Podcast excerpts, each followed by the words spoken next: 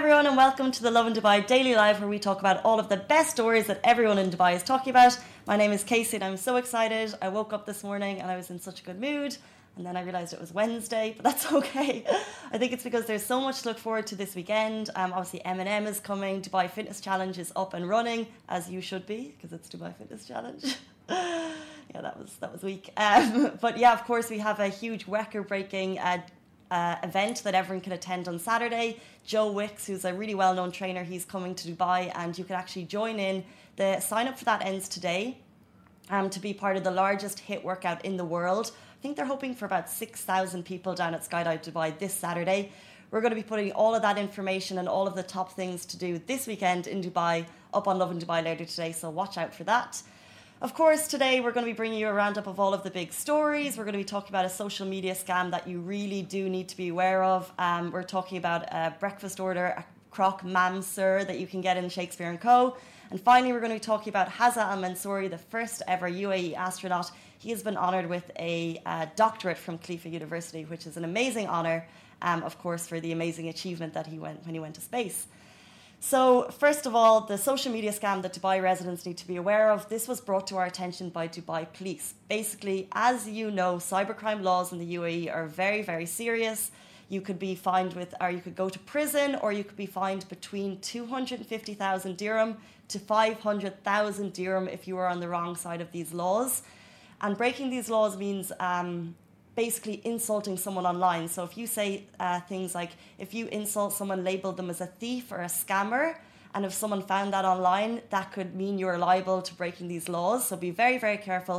The reason Dubai police are alerting us is because right now there are scammers actually out there to provoke you to say these things online. So if you've ever, and they're doing this on Twitter, on WhatsApp, on social media platforms, if you've ever noticed in the comment section, you know, when you see a comment that someone is just it's just really annoying you and you'd love to if you'd love to join in. The cybercrime laws here are are are serious in Dubai for a, a very important reason. Basically it, uh, it's for the happiness of the people and do not be provoked into breaking these laws because the scammers are there screenshotting your responses and taking them forward.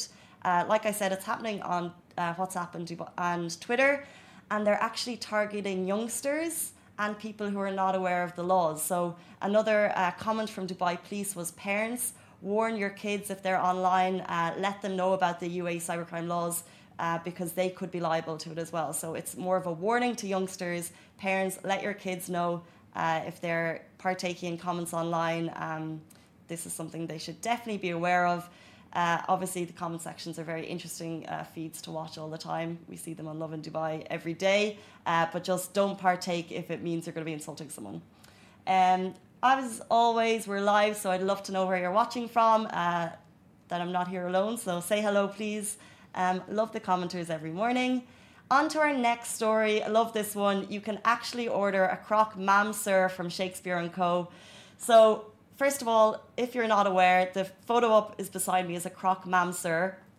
A croque monsieur, that is my terrible French pronunciation of it. Let me try that again. Croque monsieur is a, a traditional French dessert. It's usually baked or boiled. Um, a sandwich with boiled ham and cheese in the middle. It is delicious and cheese on the outside. If you haven't had one, go and get it for breakfast at the weekend. Shakespeare and Co is a good place to get it. And then a croque madame is the same with an egg on top.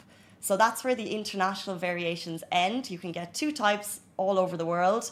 In Dubai, of course, we're unique. A lot happens. There's a lot of people here. So they have uh, named this breakfast the croque ma'am sir. And if you're unaware, mamsur is maybe a greeting most commonly used by Filipinos in Dubai.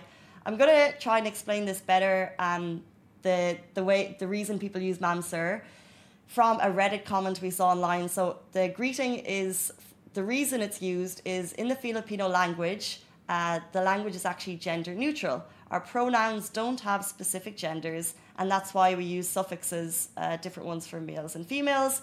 If we don't want to distinguish genders, uh, so mam sir will always be there because the language is phrased like that. Um, however, then we put this post online, and someone else said actually it's only a phrase when used when people see couples or mixed groups. Um, but yeah, so I love the comments when we put these up. But yeah, get yourself to uh, Shakespeare and Co. to try the croque. Have you tried it? Because it has been on the menu for a while. and let's say the variations. What's different about this one? It comes with turkey ham, of course, bechamel sauce, emmental, and mozzarella cheese. Delish on a brioche bun, French fries, mixed greens, top of the fried egg. So it's got all of it and more. Dubai takes it a little bit extra. Have you tried it? Let me know. Um, love the funny variation of the menu. Love that it's unique to Dubai. Uh, really, really nice. And yeah, let me know if you've tried it. Finally, on to our last story. Uh, we're talking about the first Emirati astronaut, Hazza Al Mansouri. He received an honorary doctorate from Khalifa University. Uh, if you were living under a rock, if you didn't have internet over the last couple of months, a quick recap is that Hazza Al Mansouri was the first ever Emirati astronaut to go to space. Of course, there was big hype in the media about this in the UAE, um, but I think it's also because he went to the International Space Station. And the International Space Station is hugely significant. It's one of the biggest techn- technological advancements of our time, even though it actually rarely gets uh, as big as media coverage as we've given over the last couple of weeks. Obviously, we're heroing Hazza Mansouri because he is that. Um, he was up in the in the International Space Station conducting science experiments for eight days, and now he's back and he's been awarded an honorary doctorate from Khalifa University. Um, so, for the first time, Khalifa University is a obviously a university in Abu Dhabi, and they used a. It was the first ever PhD graduate, and is the first time a 2019 class have graduated with a uh, aerospace engineering degree. So they were all there to collect their degrees, and obviously having Hazza Al Mansouri there as well to collect collect his honorary doc- doctorate. Excuse me, um, must have been a massive inspiration for all of them for whatever fields they plan to continue in. Uh, so that was really really cool, and shout out to Hazza Al Mansouri. I'm sure we'll be seeing a lot more of him over the next uh, couple of years. I want to see where he goes following this.